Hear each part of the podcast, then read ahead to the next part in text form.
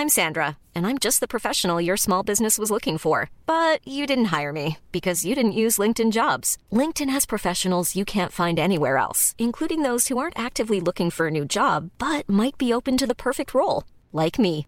In a given month, over 70% of LinkedIn users don't visit other leading job sites. So if you're not looking on LinkedIn, you'll miss out on great candidates like Sandra. Start hiring professionals like a professional. Post your free job on linkedin.com/people today. Burrow's furniture is built for the way you live. From ensuring easy assembly and disassembly to honoring highly requested new colors for their award-winning seating, they always have their customers in mind. Their modular seating is made out of durable materials to last and grow with you. And with Burrow, you always get fast, free shipping. Get up to 60% off during Burrow's Memorial Day sale at burrow.com slash ACAST. That's burrow.com slash ACAST. burrow.com slash ACAST. Filter Nyheter publiserte private messengermeldinger fra Laila Bertheussen. Meldinger som ble brukt i rettssaken som pågår nå. Det er flaut å lese, og ganske gøy. Men er det greit? Er det presseetisk riktig? Det lurer jeg på denne uken.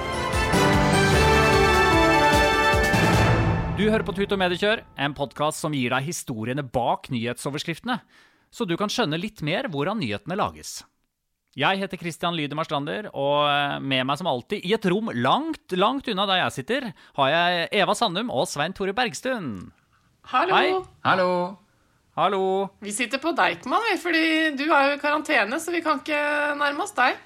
Nei, absolutt ikke. Så nå er vi eh, 250 meter unna hverandre ca. Eh, og eh, Deichman i Oslo, altså. Hva er det du har gjort nå, Christian, som har eh, ført deg inn i denne elendigheten her? Nei, nei, ikke sant? Jeg tok jo en lunsj, men så viser det seg at han hadde korona. Så da er jeg i karantene nå. Eh, ikke dårlig, ikke syk, men eh, i karantene. Ja. Eva Sandum, har du vært i karantene noen gang i livet ditt? Burde vært å si. og med det er vi i gang her. Tut og Jeg kan ikke komme på at jeg har vært i noe ordentlig karantene, nei. Nei. Men dere, skal vi bare hoppe rett i eh, rett og slett sak én i dag? Ja, eller skal vi bare ta med, siden vi driver med journalistikk, eh, holdt jeg på å si, snakker om journalistikk, ta med en liten gladsak eh, fra bransjen, som rett og slett er at eh, eh, koronaepidemien har akselerert det digitale skiftet i mediebransjen. Nå er det eh, rekordhøye tall på digitale abonnementer eh, i pressen. Aldri så galt at det ikke er godt for noe, som det heter.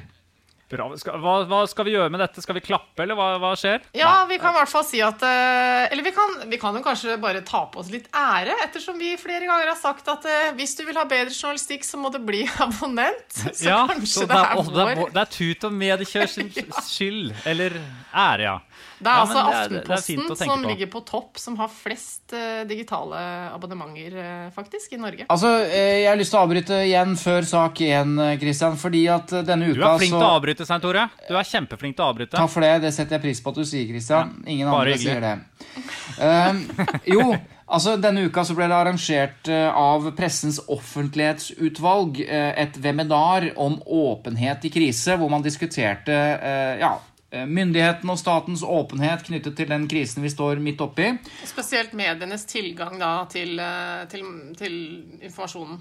Og det har vi snakket eh, en del om i denne podkasten, viktigheten av åpenhet. Men så sier statsminister Erna Solberg noe interessant. Hun problematiserer åpenheten. Hun mener at åpenheten i seg selv er problematisk for de som da eh, er fagpersoner og skal mene noe. Og i denne krisen vet man jo ikke helt sikkert hva er helt riktig. Eh, Man kan ikke være så skråsikker. Og i diskusjonen, den faglige diskusjonen om vi skal stenge ned skoler og barnehager osv., så, videre, så åpenheten rundt den diskusjonen kan hemme den faglige diskusjonen. Ja, for hvis jeg har forstått det riktig, så handler det jo litt om at eh, når det da kommer frem, da, pga. kravet til åpenhet, at FHI i begynnelsen, før første nedstengning, ikke nødvendigvis kom med råd om at skolene skulle stenges. Men de ble allikevel stengt eh, på bakgrunn av at regjeringen tok den beslutningen. Så ble det omtalt som at FHI ble overkjørt, Ja. nærmest. Eh, fordi at man da får tilgang til hva fagpersoner har ment, og så blir det liksom satt opp mot hverandre. Jeg, jeg bare, jo, jeg, jeg hører jo Jeg skjønner jo hva Erna Solberg sier. Samtidig så viser jo nettopp den åpenheten at det er ikke I Norge så er det jo ikke sånn som i Sverige at det er fagfolk som styrer politiske avgjørelser. Det er Nei. politikerne som styrer det. Ja, det kan du si. Så Det- det har jo vært sunt òg. Det er kjempefint at vi får innsikt i det. Men. Christian, hvis det er sånn at en viktig fagperson i FHI ikke tør å si helt hva han eller hun mener i denne åpne diskusjonen, med frykt for at han enten etterpå blir såkalt overkjørt av regjeringen, så vil vi jo ikke få de gode faglige diskusjonene hvis de som deltar i diskusjonen, er redd for, den åpenheten, er redd for den åpenheten. Og som Erna Solberg sier, mange føler at veldig stor åpenhet rundt beslutninger legger en hemning på den faglige diskusjonen, fordi de ikke er sikre, de heller. ikke sant? Hvis det blir satt til veggs for noe de tror er viktig, så kan mange, som opplever det som, van eh, så kan mange oppleve det som vanskelig. Altså, ja. Så det er, jeg, jeg kan forstå eh, at liksom pressens dynamikk, der man hele tiden er ute etter konflikt ikke sant? At enten så vinner FHI, eller så vinner politikerne. Så bruker det begreper som overkjøre osv. Og den, og den åpenheten og den eh, dekningen av den type fagdiskusjoner, hvis den hemmer selve diskusjonen, og dermed hemmer det beste faglige rådet, da har vi et problem. Jeg tror ikke ah, pressen er kjøper det, eh, men eh, det er i hvert fall interessant å høre den diskusjonen. da. Ja, ja, ja. Men hva, hva kunne vært en løsning her, da? Fordi Skulle man ikke vært så åpne, så er jo det problematisk. Skulle man satt en grense for det? Hvem skulle gjort det eventuelt? Nei, men det, det er jo det som er så rart med, eller så fint med åpenhet. Enten så er det åpent, eller så er det ikke åpent. Og det beste er at det er Åpent. åpent. Jeg tror nok det handler mer om at eh, pressen da må ha, eh, være ansvarlig i hvordan de dekker det i eh, i etterkant. ikke sant? Så ikke de lager unødvendige konflikter av en diskus faglig diskusjon som har foregått. da. Så det er mer det at eh, ting kan gjerne være åpent, men da må man også ha litt sånn rom for at eh, underveis i en diskusjon så er jo folk ute etter å lære, lytte, gjøre seg opp en mening, og ikke bare liksom bli sitert rett ut i mediene på at 'ja, men du sa det', du sa det'. For det er jo det kanskje mange opplever, at man blir stilt til veggs da, eh, hvis alt det man sier skal skrives ned i et referat. For Er, åpenhetens skyld. er det sånn at alle Ja, sorry, du rakk opp hånden, Svein Tore. Det ser jeg på skjermen her. Ja, ja, jeg tenkte jeg skulle være eh, ekstra flink i, i dag. Eh, Nei, altså dette, dette handler jo også om begrepsbruk og, og tabloide overskrifter og hvordan man omtaler det, som Eva var inne på. Fordi man kan jo også si at hvis en sjef bestemmer noe, som en sjef skal bestemme da, på en arbeidsplass, så kan man jo vinkle det med at sjefen overkjørte de ansatte. Eh, nei, han bare tok en beslutning.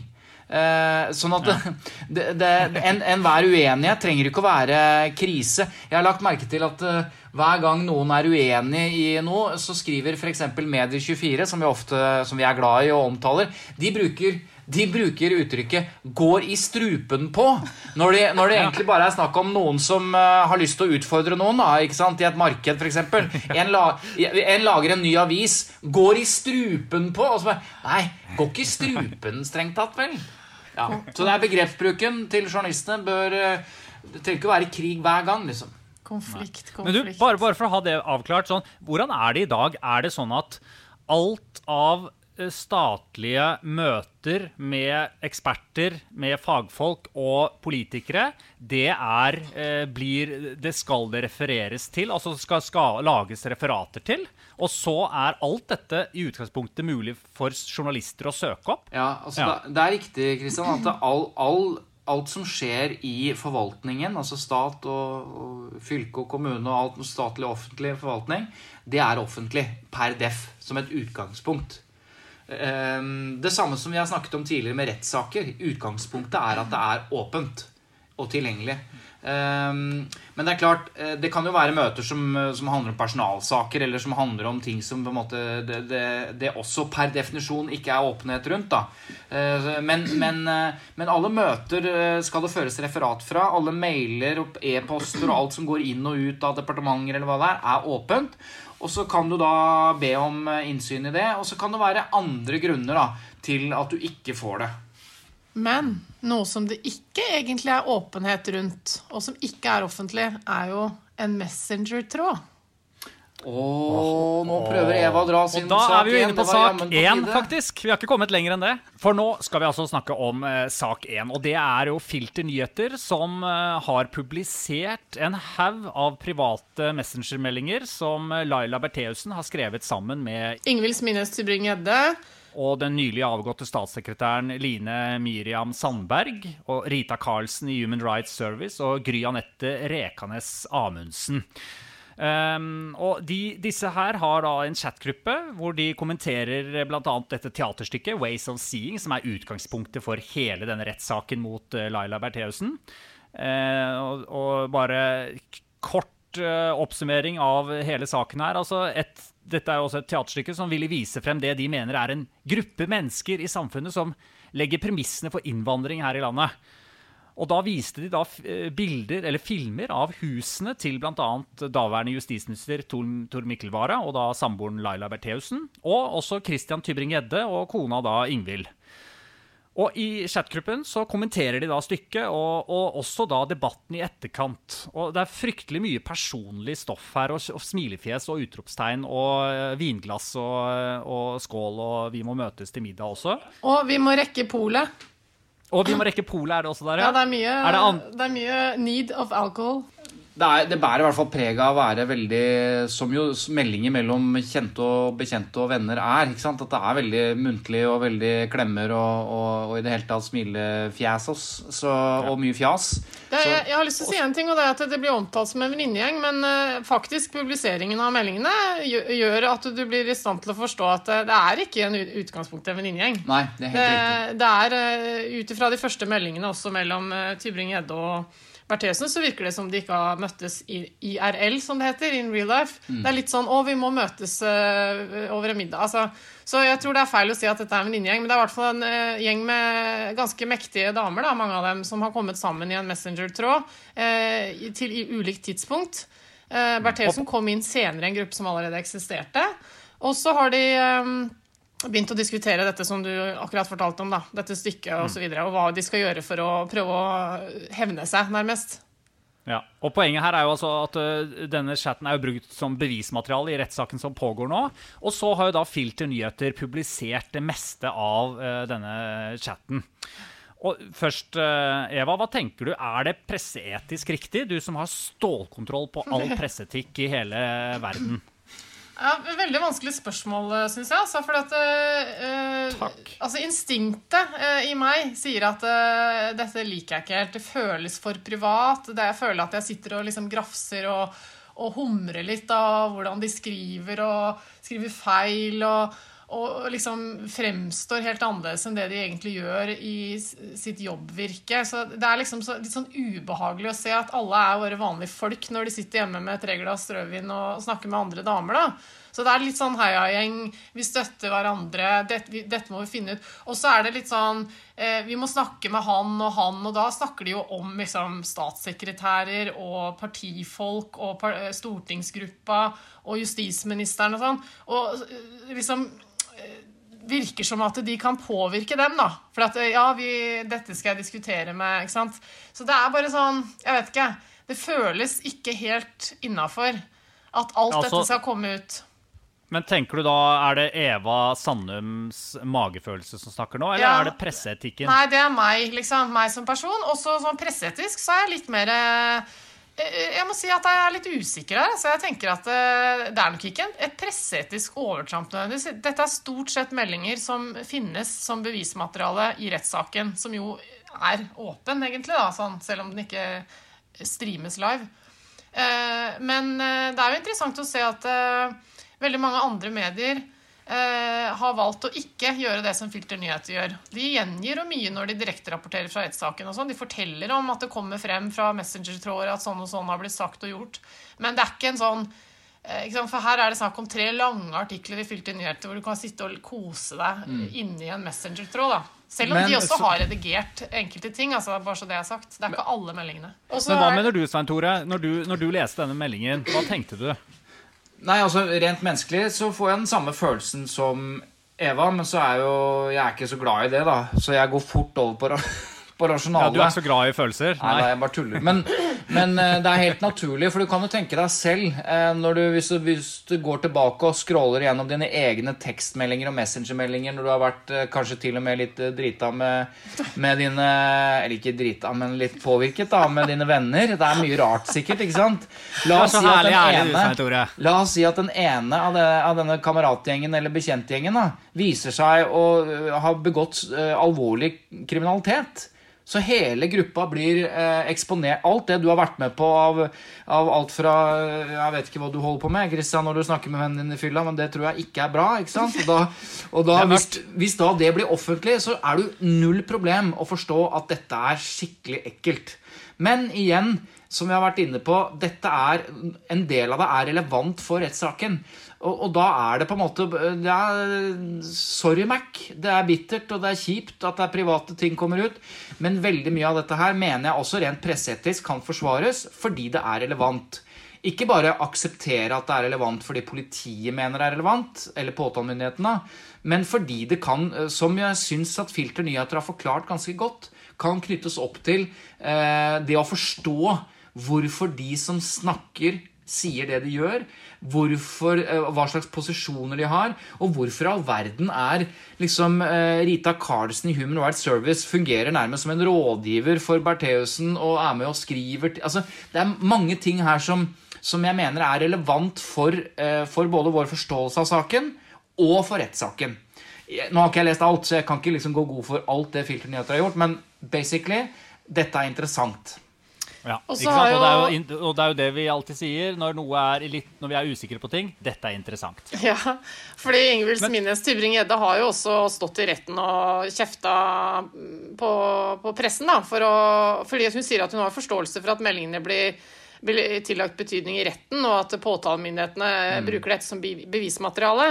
Eh, Men å akseptere liksom PST og at de holder på med dette, men noe annet er det ifølge henne når det kommer ut i offentligheten, at det er vanvittig flaut. Da. Og det er, den, det er det instinktet jeg også kjenner litt på. Men Eh, igjen, ikke sant? hun sier jo rett ut på spørsmål, blir, blir spurt om er du ikke statsråd hele døgnet. Og da insisterer hun, og det- er for så vidt for, forståelig at hun insisterer på at nei, noen ganger må jeg også bare være Ingvild. Og, og det er sånn, Ja, jeg skjønner det, Ingvild, men det er bare at du er statsråd. Og alt du sier, må på sett og vis eh, også tolkes i, i den konteksten. Og i hvert fall hvis du snakker om eh, eh, Tor Mikkel Wara som justisminister og sier at han må vel kanskje kunne ordne opp i dette her. Ja, Så dette her det er, det er, ikke, noe, det er ikke noe kult. Jeg er glad for at jeg ikke sitter der. Men, uh, Men Så du, mener at, så du mener at hun tar feil der, faktisk? Er, man er statsråd 24 timer i døgnet. Det er klart det. Altså, du, kan ikke, du, kan ikke, du kan ikke si at nå er jeg bare Ingvild, og så drikker Ingvild seg drita og gjør seg bort på byen, og så skal vi si nei, det var ikke, det var ikke statsråden som dreit seg ut på byen, det var Ingvild denne gangen. Altså, Det går jo ikke. Du, Nei, er, du vil- må forholde deg til at du er journalist eller statsråd eller politiker. Det betyr ikke at, at, at vi skal ha innsyn i alt Ingvild gjør. Altså, Jeg driter i hva Ingvild gjør på fritida, så lenge ikke det kan knyttes opp mot uh, kriminalitet eller politikk. eller hva det måtte være. Men privatlivet er Du har rett til et privatliv, men når uh, det privatlivet blir relevant for en rettssak, så kan du ikke insistere på å være Ingvild. Ja, fordi nå er det jo knyttet opp mot kriminalitet, da. Så Nettopp. det er argumentet ditt for å Akkurat som Petter Northugs uh, kjøring var knyttet opp mot en Ja. kriminell handling, handling, og derfor så er- kan ikke han bare si ja, men nå er jeg Petter. Altså, jeg kjørte, jeg, jeg kjørte dritfort på f- privaten. Jeg, jeg gikk ikke skirenn. Altså, det, det går ikke an å sa... Nei, Nei, for Hvis så- han hadde vært drita på byen, så hadde det vært noe annet, men han ble tatt i, i fartskontroll. Ja, Ja. men Så, sånn sett så har jo Filter Nyheter på en måte skjønt det. Eh, Altså, det, Disse meldingene er derfor interessante. Og var, men det hadde vært eh, bra å vite litt mer eh, grunnen til at Filter Nyheter faktisk eh, publiserte dette. Hva var det de hva, hva, hva var tanken deres bak dette? du syns det, du, ja? Ja, Syns dere også det er ganske interessant? Ja, det er så interessant at eh, jeg har faktisk ringt Harald Klungtveit, som er Nei. eh, redaktør i Filter Nyheter. Har du det? Ja. Jeg spurte han om uh, mye, men uh, først og fremst, da, hva var Filters uh, redaksjonelle vurdering før denne publiseringen her? Kan høre hva han sa. Lykke til, Klungtveit. Vi gjorde veldig grundige vurderinger. Um,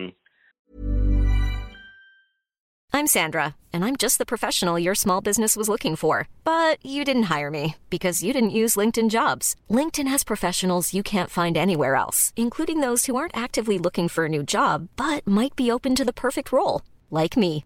In a given month, over 70% of LinkedIn users don't visit other leading job sites. So if you're not looking on LinkedIn, you'll miss out on great candidates like Sandra. Start hiring professionals like a professional. Post your free job on linkedin.com/people slash people today. Nice. Yeah.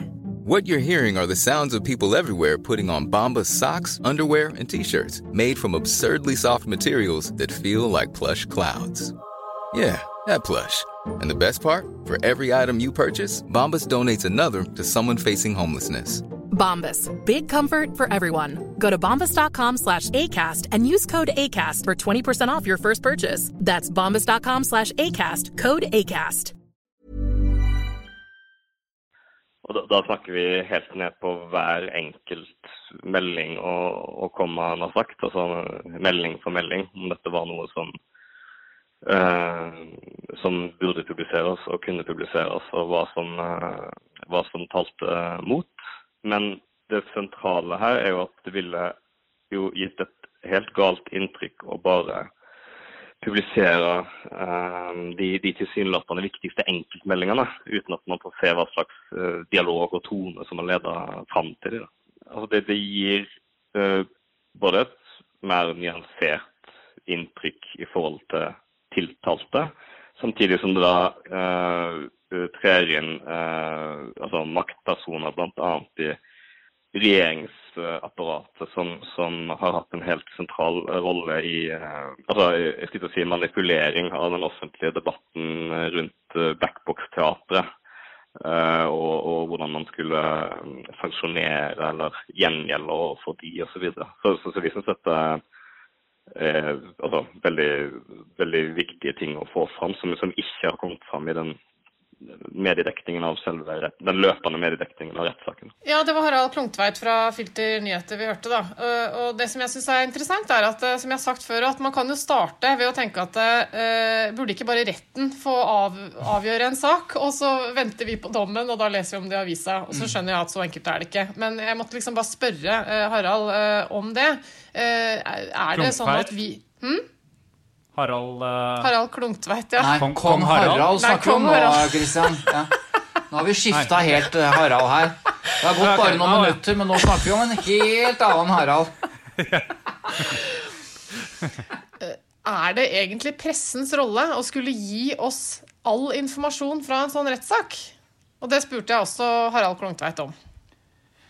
Altså Det ville vært helt feil hvis ehm, vi skulle, altså hvis, hvis pressen ikke skulle hatt noen oppgave inni å være kritisk til selve eh, rettsbehandlingen også, eller i utvalget av bevis, eller hvordan dette, dette foregår. Så vi, altså vi, vi kan ikke liksom eh, lene oss tilbake i en så stor, alvorlig sak og ikke ha noen dekning rundt det, eller ikke skrive noe om bevisene. Eh, for da, da, da, fyller vi jo ikke samfunnsoppdraget i det, i det hele tatt eh, opp mot, eh, opp mot den statsmakten, da, for å si det sånn.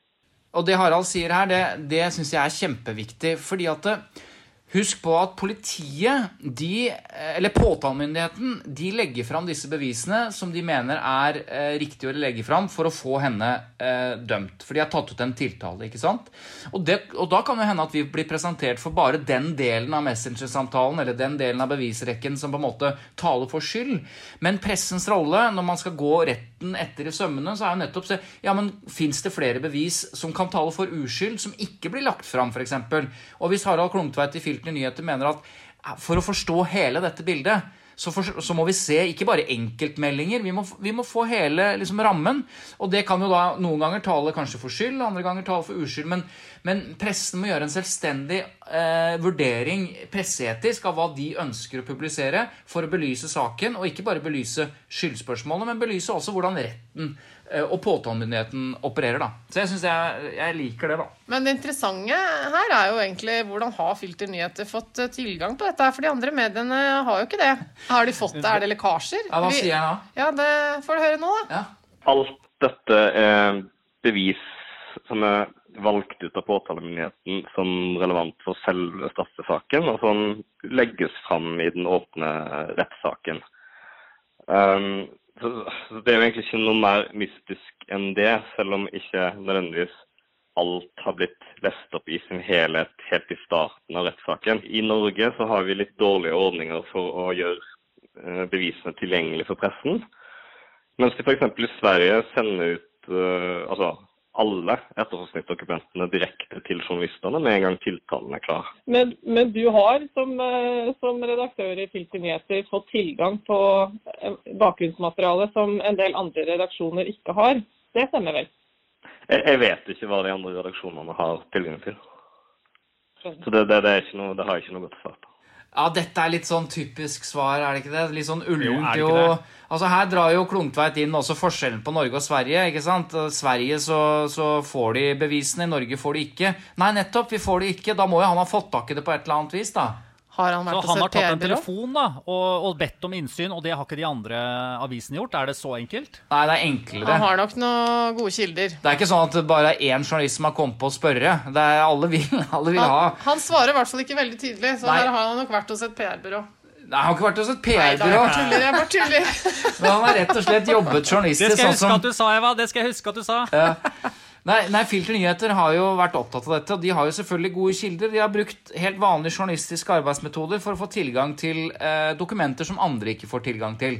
Eh, så dette her har de gjort en, en helt vanlig journalistisk eh, jobb. En grundig og god jobb, sier eh, hele Medie-Norge, egentlig. Ja. ja. Men det jeg ikke helt skjønner her nå, det er jo hvorfor andre redaktører ikke vil publisere dette. Fordi jeg føler jo litt at uh, man ser på Filter Nyheter som litt sånn han uh, urokråka som har gjort drittjobben, uh, som vi ikke vil ta tak i, liksom, med, med pinsett. Ja, det er hvor... det jeg føler òg.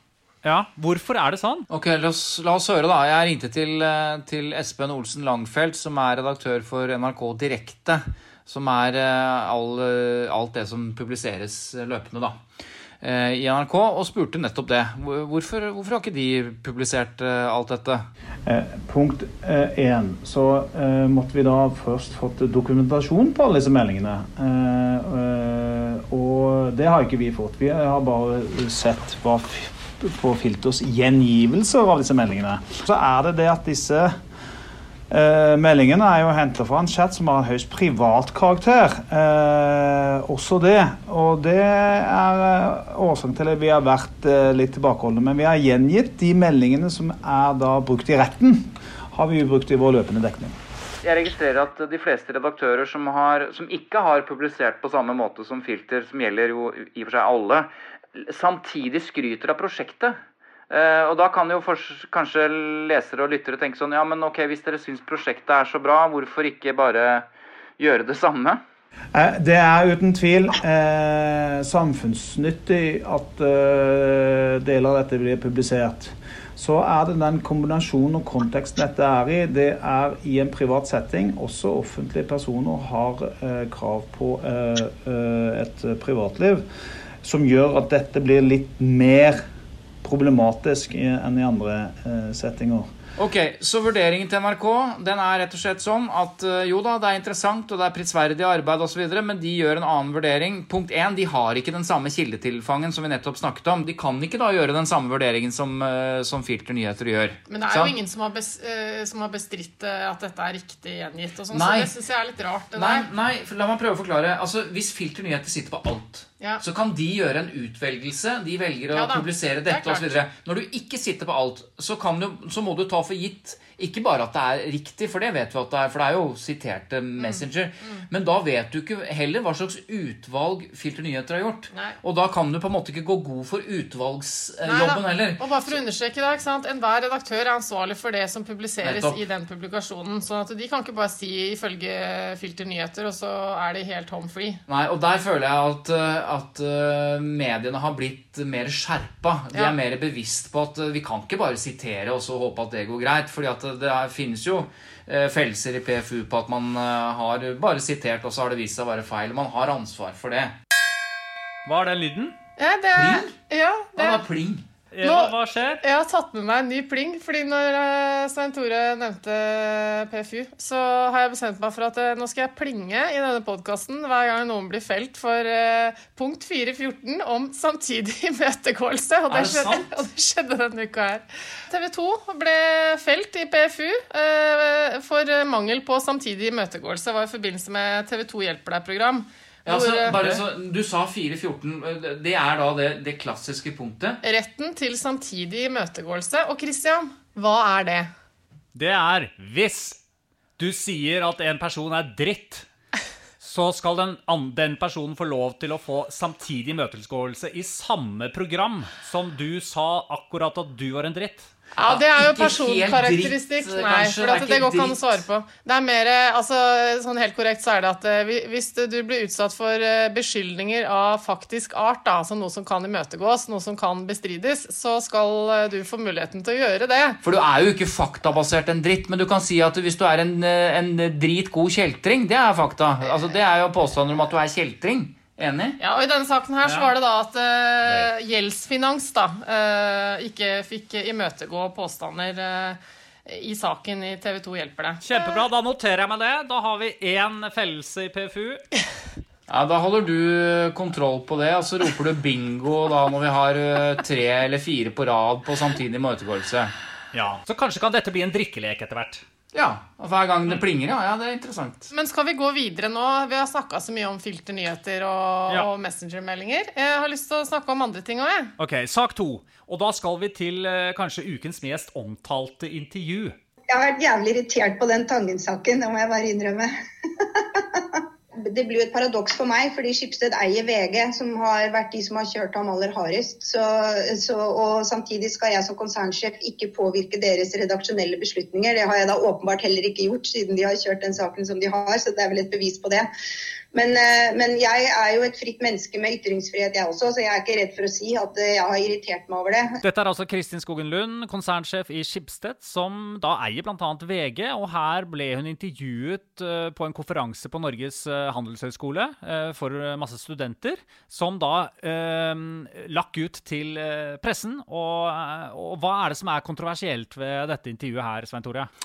Dette er jo kontroversielt fordi at en konsernsjef skal jo ikke mene noe om eh, hvordan avisene som hun eier, eh, dekker saken. Det, jo, det skal være et veldig tydelig skille mellom redaktøren, som er i dette tilfellet Gard Steiro i VG, og konsernsjefen i eier- eller morselskapet. Hun skal jo ikke legge seg opp i den dekningen. Så hvorfor gjør hun det da?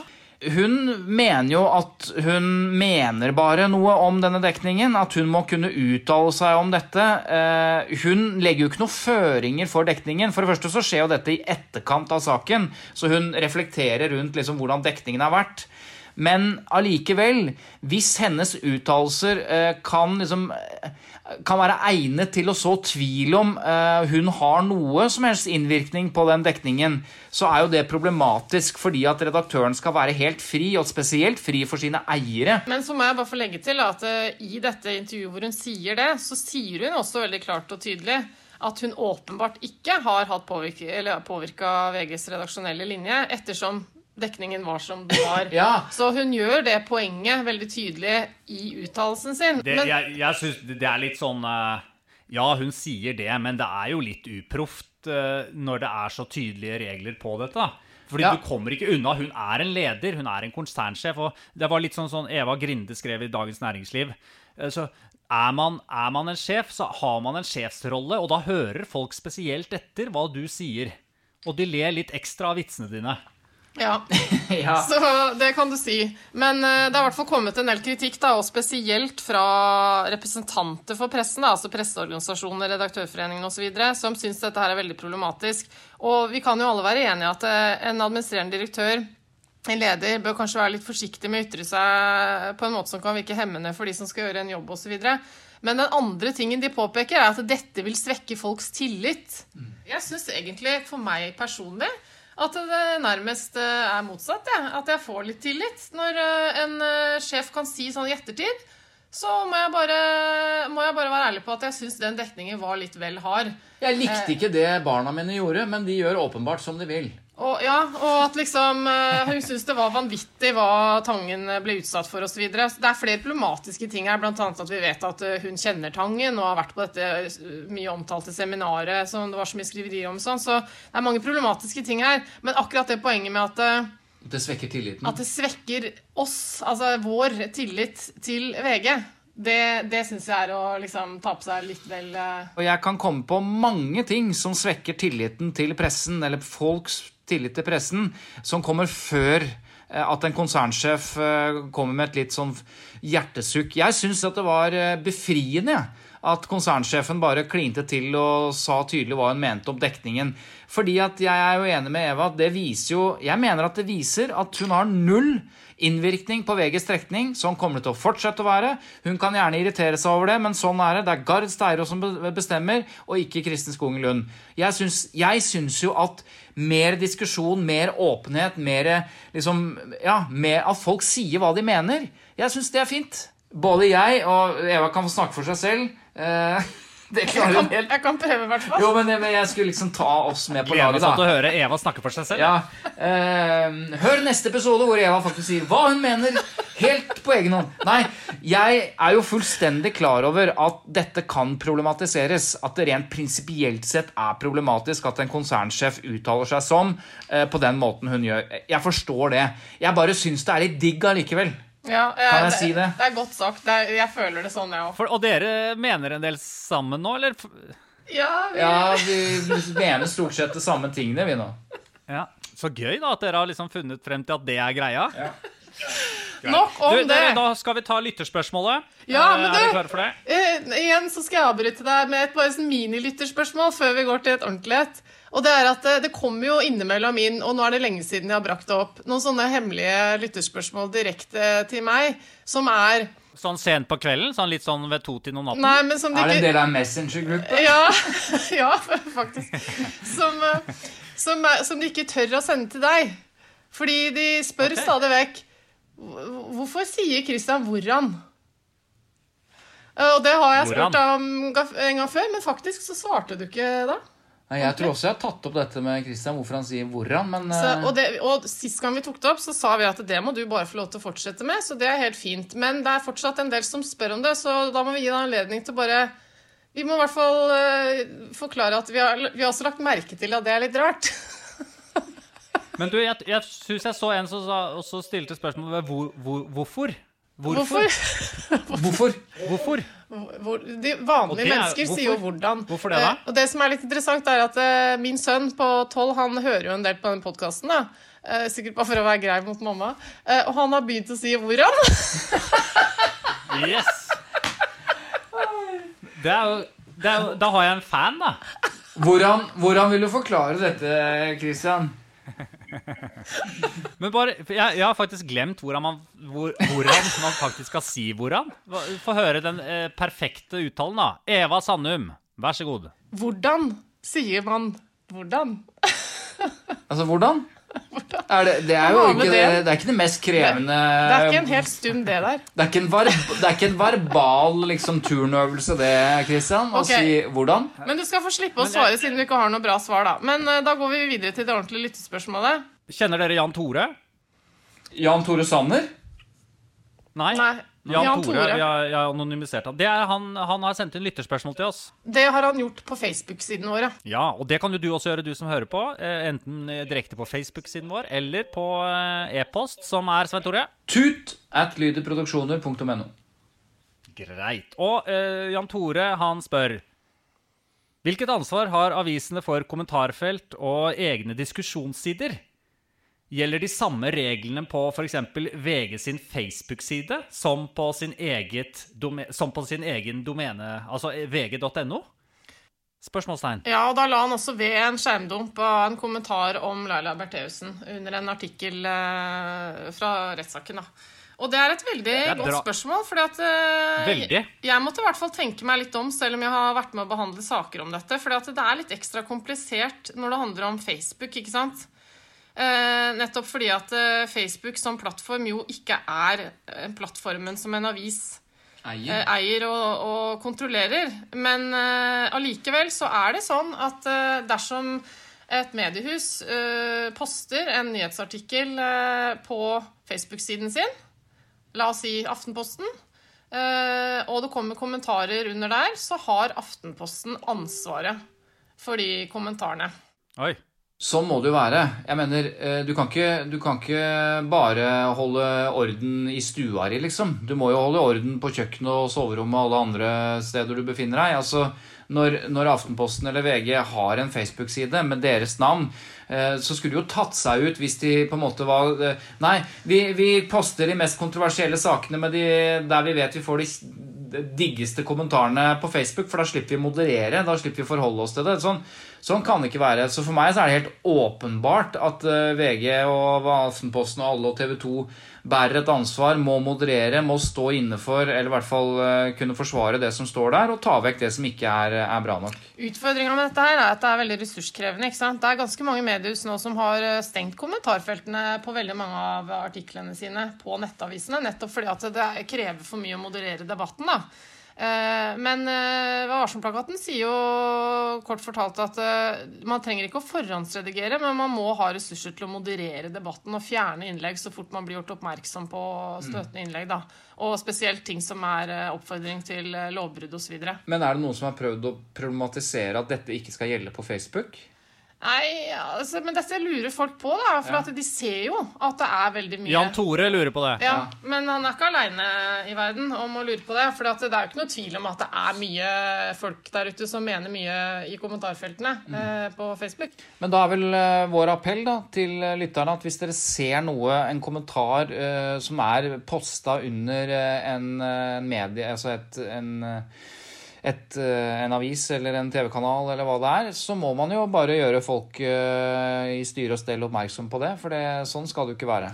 Bare for å ta eh, litt sånn kjapt om noen saker som har vært i PFY på dette her, så var det jo i 2014 så ble det klaget inn Det var en sak om en 13-åring som hadde erkjent drapet på sin tre år gamle fosterbror, og artikler fra TV 2 ble lagt ut på Facebook med kommentarer. Eh, Og klaget inn fra en vanlig leser på, på dette kommentarfeltet. De ble ikke felt, men da var det litt sånn teknisk fordi at eh, klageren ikke kom med konkrete kommentarer. For det som skjer i Pressens faglige utvalg, er at de må se på hver enkelt kommentar og vurdere som, er det noen brudd her i varselplakaten. Både på sånn eh, blir, eh, blir anklager imøtegått osv., og, så og så om det burde vært redigert bort. Men i den store, kjente Lommedalen-saken fra 2016, altså hun, eh, som, den tragiske saken om hun som ble funnet død, død i Valdres eh, Og hvor moren da ble ja, dømt for avmagring og ja. Mm. Så ble Facebook-kommentarfeltet klaget inn eh, på, etter noen TV 2-saker, og da ble TV 2 felt for det. På punkt eh, 417, som det heter i Værsplagaten, som, som sier at eh, et medie er forplikta til å redigere eh, kommentarfelt. Ja.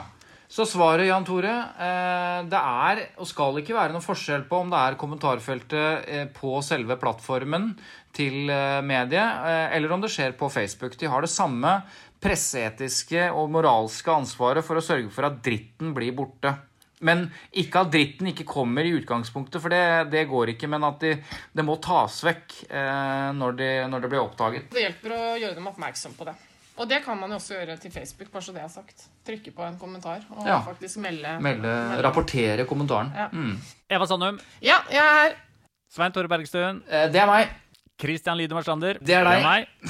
Husk da, for all del du som hører på, eh, at eh, du kan nå oss på tut, krøllafa lydeproduksjoner.no. Og så, Eva, kan ikke du si med den der fine stemmen din hva hvis- Hvis det er noen som skal annonsere, hva, hva kan de gjøre da?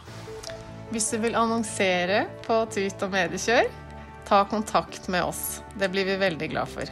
Nå fikk jeg lyst til å annonsere. Kan jeg annonsere nå? Kan jeg annonsere noe på lufta? Jeg annonserer at vi er tilbake igjen neste lørdag. Det koster ikke penger. Ingenting koster penger her hos oss. Det er det som er så fint. Men da må noen andre annonsere. Ha det! Kan jeg få si en ting til? Nei, Eva, du skal ikke si noe mer nå. Nei da. Jeg bare har litt lyst til å prate. Jeg syns det var så hyggelig. Ha det! Ha det. Ha det.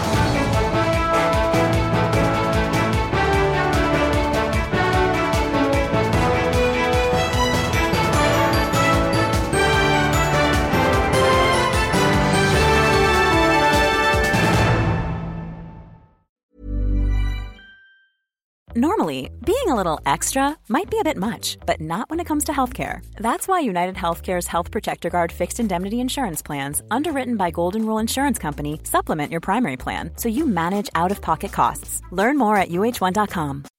When you make decisions for your company, you look for the no brainers. If you have a lot of mailing to do, stamps.com is the ultimate no brainer. Use the Stamps.com mobile app to mail everything you need to keep your business running with up to 89% off USPS and UPS. Make the same no brainer decision as over 1 million other businesses with Stamps.com. Use code PROGRAM for a special offer. That's Stamps.com code PROGRAM.